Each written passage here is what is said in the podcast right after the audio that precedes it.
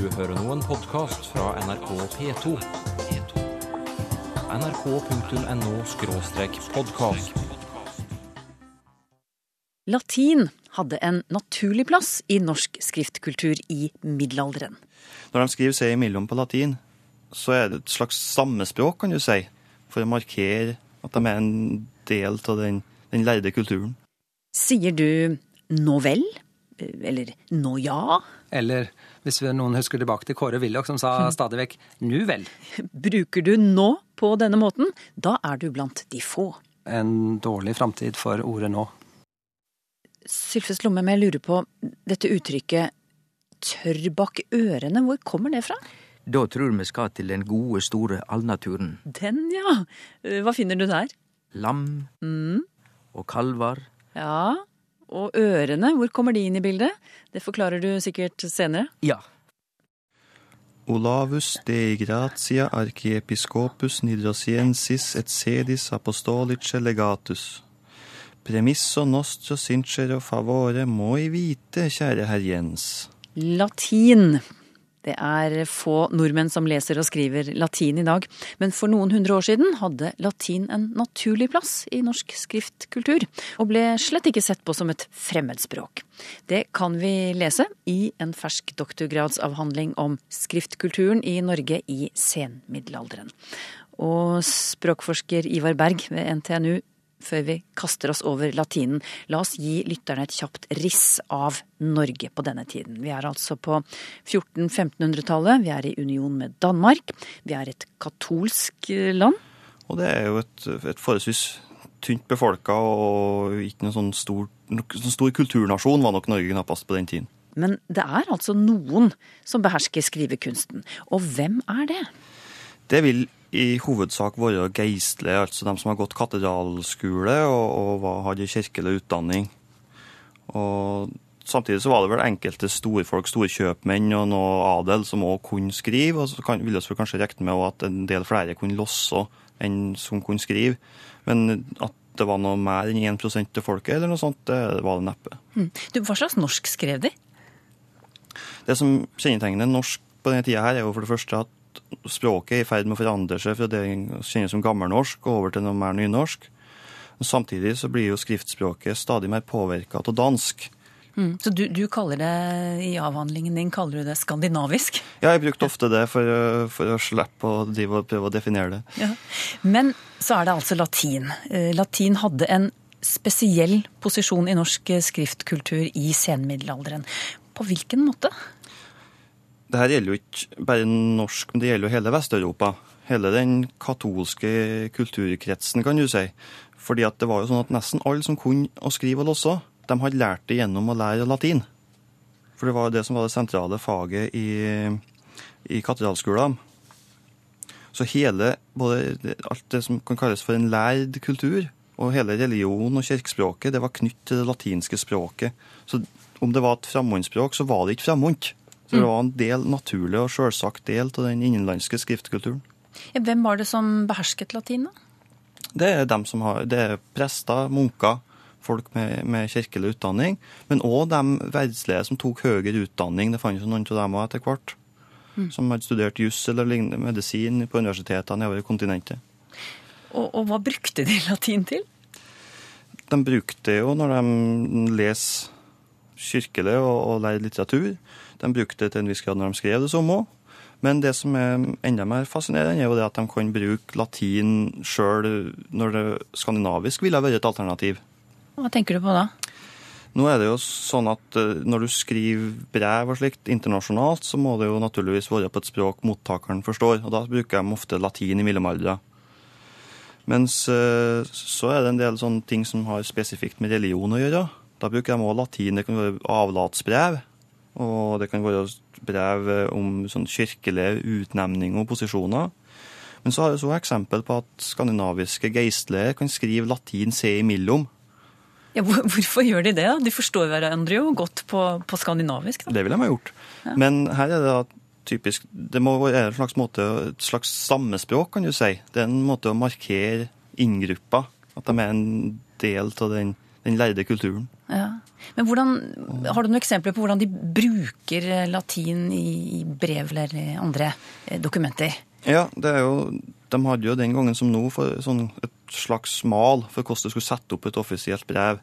Og da er det jo gjerne sånn at eh, øverst så setter du jo avsenderen. Det gjøres jo i dag òg. Og da, den, den vil gjerne stå på latin. Så den innledninga jeg leser her nå, da var fulle tittelen til erkebisp Olav Engelbrektsson, som da står over selve brevteksten. Ja, for det var du som leste latin i sted. Ja, ja. prøvde iallfall. Ja. altså, det du sier at det var faktisk faste regler for hvordan man skulle bruke latin i, i brev. Ja. ja. Så vil, Et typisk oppsett vil da være sånn at du har avsenderen på latin, så har du latinsk helsing, og så går du gjerne over i, i skandinavisk helsing, og så har du selve brevteksten på latin. Ja. Så i avslutninga på brevet daterer du og skriver hvor det her er skrevet hen og slikt, og det kommer også gjerne da på latin. Spesielt dateringa, som i den tida de daterte ikke dem etter dag i måneden, men heller i forhold til nærmeste helgendag. Da var det jo, jeg brukte de jo latin. Hvorfor var det sånne regler for eh, bruk av latin i brev? Nei, hvorfor er jo aldri et enkelt spørsmål å svare på, men eh, det var nå iallfall Det er gammel tradisjon det der fra, fra antikken og framover. Ja. Men så forstår jeg det også slik at man kunne pynte brev med latinske sitat? Ja, jeg har tatt med et eksempel her. Det er jo det brevet Bindal også fra. Ja. Det er sendt fra Olav Engelbrektsson til en herr Jens, som var en utsending fra han, og som på dette tidspunktet i 1535 var i Oslo. Og etter innledninga så går han jo over på norsk-dansk tekst. Men han har hele tida noen latinske fraser. Det kan være i, i dateringa. F.eks. datoen her, quinta aprilis. Og så har du òg navnformer som har fått latinske bøyingsendinger. Og helt til slutt så avslutter en jo med et uh, sitat på latin. Uh, Homo proponit, deus autem disponit. Hva betyr det? Det, det vil svare ganske nøyaktig til det norske ordtaket 'menneske spå, men Gud rå'. Så det var en sånn liten pynt på slutten, den da? Ja, tydeligvis. Og det her, nettopp det her at han i det her brevet bruker ganske mye mer latin i den skandinaviske teksten enn det som er vanlig, har nok å gjøre med at det er et mer personlig brev til en eh, utsending og en venn av han. I offisielle tekster, mer sånn til kongen, til biskoper og til verdslige stormenn, så vil han heller holde seg til, til skandinavisk i det selve tekstdelen av brevene. Så kommer jo reformasjonen i 1536, og, det betyr slutten for den katolske kirkemakten i Norge. Hva fikk det å si for bruken av latin her i landet? Et hovedpoeng med, med den protestantiske reformasjonen var jo nettopp det at folk skulle få tilgang til gudsordet på morsmåla sine. Og dermed ble jo latin mye mindre viktig som kirkespråk, og, og ble enda mer redusert den der trange sfæren som vitenskapsspråk. Men som eh, et naturlig og, og, og viktig språk for uh, vitenskapsmenn fikk det jo en viktig stilling framover i ny tid òg. Ludvig Holberg skrev jo på 1700-tallet en roman på latin. Den ble oversatt til dansk etterpå. Og det fortelles jo om botanikeren Carl von Linné på 1700-tallet at når han skulle skrive dagboka si, hvis han hadde god tida, så skrev han på svensk, men hvis det skulle gå litt fort, så var det greiest å skrive latin. Latin, slett ikke et fremmedspråk, verken for Carl von Linné eller for lærde nordmenn i middelalderen. Det fortalte språkforsker Ivar Berg ved NTNU. Han dukker opp i Språkteigen neste gang også, for å snakke om språkblanding i norske middelaldertekster. Noen ganger kunne du faktisk finne tre språk i én og samme setning. Det er jo mulig å lære seg latin i dag også, blant annet på enkelte videregående skoler og ved noen av universitetene. Ellers ryktes det at finnene er spesielt interessert i latin. Annet har finsk radio ukentlige nyhetssendinger på latin, det har de hatt siden 1989. Og så fant jeg en BBC-artikkel på nettet, der jeg både kunne høre og se en finsk filosofiprofessor synge Elvis på latin. Er du interessert i å sjekke ut noe av dette, finner du lenkene på Språkteigens Facebook-side.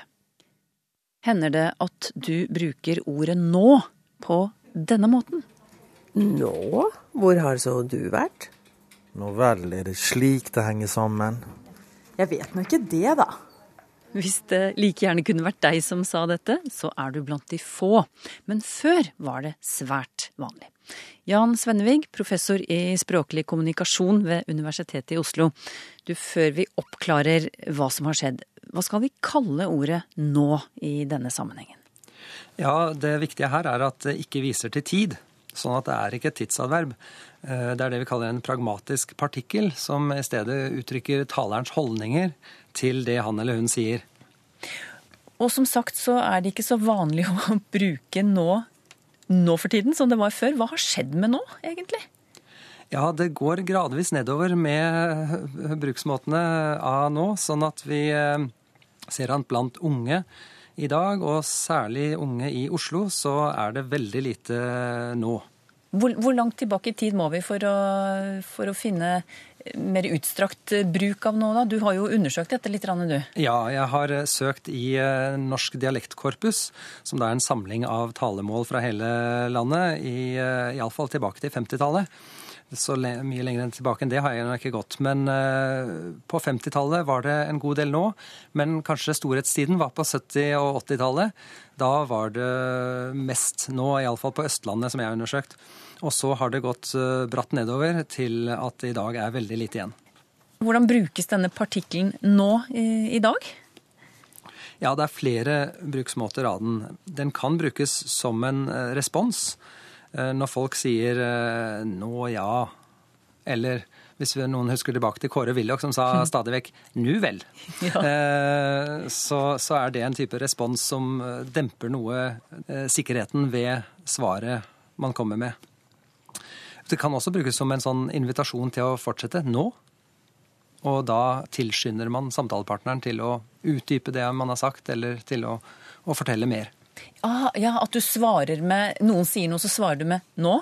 Underforstått 'si mer'? Nettopp. Ah, akkurat. Ja, andre funksjoner da? Du, så er det en uh, bruksmåte som vi innleder setninger med, og da er det ofte at vi tar noe forbehold eller innrømmer noe. Det er en som snakker om uh, at det var en periode hvor det sosialt ikke var så heldig, men nå traff jo jeg kona mi, da, så du kan se på det som en slags kompensasjon for det, sier han. Eh, så nå traff jo jeg kona mi, eh, blir da en eh, innrømmelse eller en, eh, et forbehold i forhold til det han har sagt om at det var en eh, sosialt sett en ikke så, så vellykket tid. Annen bruk som du vil trekke fram fra nåtiden? Ja, eh, vi kan også, når vi bruker nå inni setninger, i, midt i setningen, så er det gjerne som en forsterker. Altså at vi forsterker gjerne sikkerheten av det vi sier. Og da er det ofte, gir det noe uttrykk for at vi har tenkt oss om før vi sier det vi sier, og vi har tatt motforestillinger i betraktning, men hevder allikevel det vi vil si. Så det er en som spør om eh, det ikke var fælt med ruskevær oppå fjellet. Og så svarer vedkommende at eh, ja, det var nok det, men fjellet er nå fjellet, da. Om det er litt ruskete, det er noe trivelig oppå der. Så her bruker han altså nå to ganger til å si at eh, jeg holder fast ved, og jeg hevder med sikkerhet og styrke, at det er fint på fjellet. Så dette nået eh, gir uttrykk for sikkerhet, og, og gir også noe, dette inntrykket at ja, jeg har tatt i, i betraktning motforestillinger, men jeg hevder allikevel det jeg hevder. Hvor brukes nå i dag, da? Du, altså, det brukes eh, fortsatt, og jeg tror eh, så godt som alle kan fortsatt bruke eh, ordet. Det er ikke det, men det er mengden av det som går nedover. Men vi finner da mer av det på landet enn i byen, iallfall på Østlandet. Og vi finner også da mer av det blant eldre talere enn blant yngre. Og alt dette her er jo da tegn på at det går dårlig med ordet, fordi at sånne forandringer i språket de sprer seg ofte fra byene, og de sprer seg også fra de unge til de eldre. Sånn at eh, de unge i byene, som da nesten ikke bruker nå lenger, de går nok foran og lover da en dårlig framtid for ordet nå. Ja, Hvordan vil det gå til slutt? Jeg tror kanskje det er noen funksjoner som eh, vil overleve, og andre som vil bli borte. Og det er nok denne forsterkeren eh, som jeg nevnte nå, som kanskje er den som blir mest borte. Denne innrømmende konstruksjonen, nå traff jo jeg kona mi, som jeg sa, den eh, tror jeg kanskje man vil fortsette å bruke, eh, fordi den er relativt spesifikk. Mens denne generelle forsterkeren om at fjellet er noe fjellet, det er noe fint oppå der, der har man mange andre muligheter for å forsterke ytringen sin. Og det er jo interessant å se at uh, mens det går nedover med nå, så er det jo andre forsterkere som uh, nærmest eksploderer i omfang. Og en av dem er jo bare. og ungdommen i Oslo og andre steder slenger om seg med bare hele tiden. Det er bare så fint, og han bare 'hæ'? Og dette bare-ordet, det er jo da noe som kommer og bare øker enormt de siste årene. Ja, ser, så, du, ser, du, en sammenheng her? Nei, egentlig ikke direkte. For det er ikke sånn at man kan uh, ta bort nå og sette inn bare istedenfor. Men man kan iallfall konstatere at én forsterker uh, blir det mindre og mindre av, og så er det en annen som det blir mer og mer av. Men de er allikevel ikke såpass like at man uh, kan si at den ene erstatter den andre. Det sa Jan Svennevig, professor i språklig kommunikasjon ved Universitetet i Oslo. Og nå over til lytterspalten vår, Sylfest Lomheim. Willy Storvik vil at vi skal forklare uttrykket 'kamelen og nåløyet'. Ja, dette er jo bibelsk. Det står at det er verre å komme inn i himmelen av og til enn for en kamel å komme gjennom et nålauge. Det høres jo helt vanvittig ut. Men de som kan, eh, Bibelen og Bibelens samtid, altså Jesu liv, de har fortalt at i bymuren i det gamle Jerusalem, der Jesus og hans disipler vandra for 2000 år siden, så var det en, en litt brei port, og så var det òg en veldig trong og smal port. Og den vart omtalt i samtida for nålauga. Og da blir det veldig lett å forstå at det kan være vanskelig for en kamel med last å komme gjennom nålauga, den smale porten. Det er ikke lett. På Språkteigens Facebook-side spør Vegard, åtte år gammel, jeg lurer på hvorfor vi har store og små bokstaver. Har vi alltid hatt både store og små bokstaver eh, på norsk? Svaret er nei. Eh, vi har hatt store og små bokstaver i eh, ja, bortimot 1000 år så det er jo lang tid. Men i den grad det ble skrevet norsk eh, for enda lengre tid tilbake enn norsk, og det betyr jo runeinnskrifter i stein og tre og slikt, så brukte de bare store bokstaver. Og det er fordi at hvis vi går ytterligere attende i tid, på den tida Jesus levde i Palestina, de romerne som styrte Romerriket på den tida, hadde skriftspråk og de brukte berre store bokstaver. Så i opphavet, iallfall når det gjelder europeisk skrifttradisjon, så var det bare ett sett med bokstaver, og det er det vi i ettertid må kalle store bokstaver. Men eh, på 800-tallet, 900-tallet og 1000-tallet så utvikla det seg langsomt ein tradisjon med å skilje mellom store og små bokstaver. Den store kongen Karl den store på 800-tallet var med på å sette denne prosessen i gang, det vil si de skrivefolka som han hadde. Store bokstaver har jo det ved seg at du skriver dei hver for seg som én bokstav. Men hvis du har små bokstaver, så kan du begynne å skrive disse bokstavene sammen i ei handskrift, altså flytande handskrift, det som på fint heiter kursiv, og det er et latinsk ord som betyr løpende. Så kursivskrift, altså at bokstavene flyter og løper i ett, det eh, går hand i hand med små bokstaver. Det er i grunnen svaret på dette med store og små bokstaver. Det er en spennende historie. Men jeg lurer jo på hvorfor fant vi ut at vi skulle begynne å skille mellom store og små bokstaver? Altså, hva, var, hva var det vi hadde behov for da, som gjorde at vi begynte med det? Nå er det veldig lite opptak og intervju med de som drev på og skreiv for 12 og 13 og ja, 1100 og 1000 år siden. Men jeg kan tenke meg at eh, når du skal skrive på pergament, som de gjorde, og skrive hver bokstav for seg, så tek det meir tid enn om du skriver dei løpande, altså at det flyter. Du løfter ikkje skrivereiskapen fra arket du bare skriver i eit. Og da blir bokstavene små, og da kan du skrive dei sammen. Altså sparer du tid. Men det å begynne hver setning med stor bokstav, hvorfor eh, Ja, det er òg en såkalla skriftkonvensjon, som de begynte jo i mellomalderen med å dekorere de første bokstavene i bestemte avsnitt, og først på ei side, og først i et kapittel, og slik.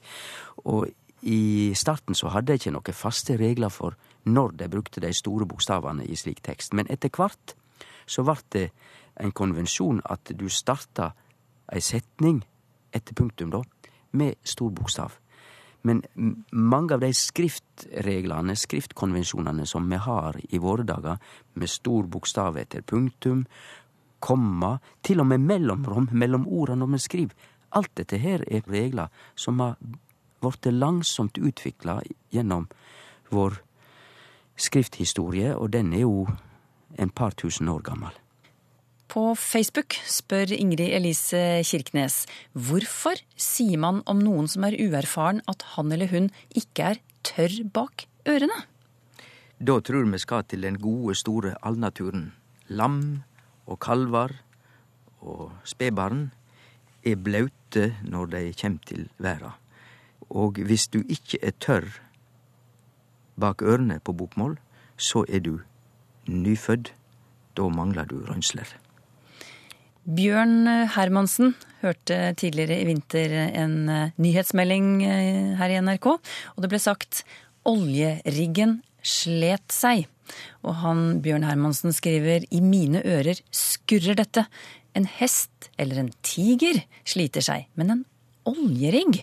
For meg må det være et handlende, bevisst vesen som sliter seg. Hva sier du, Sylfest? Jeg sier at jeg er veldig sammen med Bjørn Hermansen. Jeg vil òg spontant, som norsk språkbruker, stussa litt over uttrykksmåten 'oljeriggen slet seg'. For jeg har sjøl opplevd på gard at både sinte okser og andre dyr har slete seg, så for meg er òg å slite seg noe som føreset et, et levende subjekt. Uh, å slite seg, altså å, å rive seg løs. Men, eh, men eh, slita seg har jo faktisk òg andre bruksmåter i norsk. Å slita seg kan jo òg være å Han sleit seg opp ein bakke, det å, å pine seg opp. Og å slita seg kan til og med være et uttrykk for å kaste opp. Hun, hun, hun måtte slita seg, det betyr at hun ble så kvalm at hun måtte kaste opp. Men når bruker vi bare å slite? Og der ser jeg at, eh, at ordbøkene fører opp båten eh, slet av fortøyningen. Og det høres veldig rimelig ut, men da er altså ikke ordet seg med. Og vinden reiv og sleit i huset. Så daue, altså ikke-levende ting, kan vi bruke med slita, men, som Bjørn Hermansen er inne på, å slita seg, det er der det ser ut som at vi i norsk helst skal ha et levende subjekt. Men eh, som det er tydelig for alle som hører på, dette er et språkbruksspørsmål. Og her kan det være ulike oppfatninger. Det kan sikkert være de som mener at det er helt i orden at oljeriggen slet seg. Men jeg tilhører da eh, den gruppa som mener at det skurrer nok i mine øyre. Haldor Mo vil gjerne høre forklaringen på ordet tafatt. Det er egentlig nesten samme mening og opphav som i fattig. Det høres rart ut. Tafatt og fattig. Men tafatt, det betyr Det er verbet å ta. Og fatt har med et vanlig ord få å gjøre, altså lite. Så er du tafatt, så greier du lite, du tek lite. Altså det skjer veldig lite. Da er du tafatt. Og fattig har mye av samme mening, fordi at fattig består av fa, som også er få, altså lite, og tig har med å take å gjøre.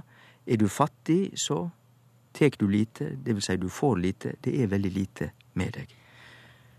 Ivar Fylling skriver Når jeg leter i papirbøker, slår jeg opp, gjerne i oppslagsverk.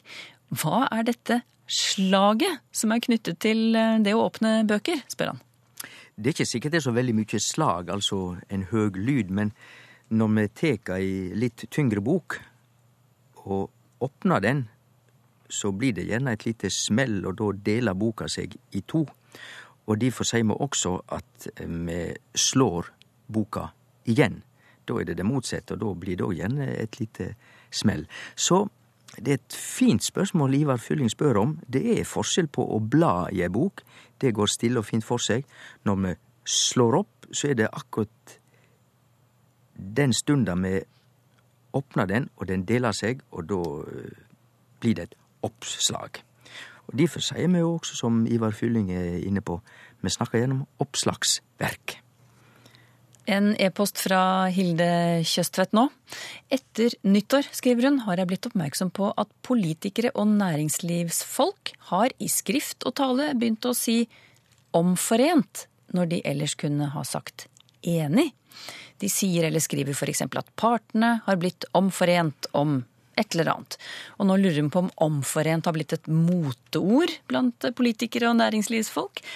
Kanskje de har vært på seminar sammen, foreslår hun.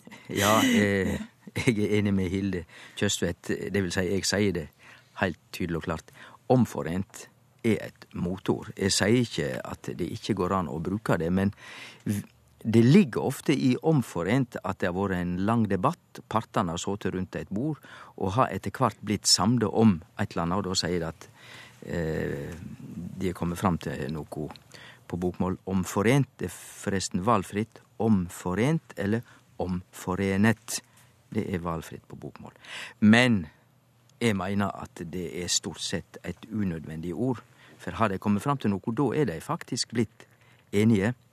Så eh, folk burde kutte ut veldig mye den bruken. Det, det forvirrer mer enn at det fungerer godt i vanlig språkbruk. Å få de ansatte i en offentlig etat til å legge fra seg byråkratspråket og skrive forståelig norsk, handler det bare om skriveteknikk, eller handler det også om holdninger? Språkteigen om en uke.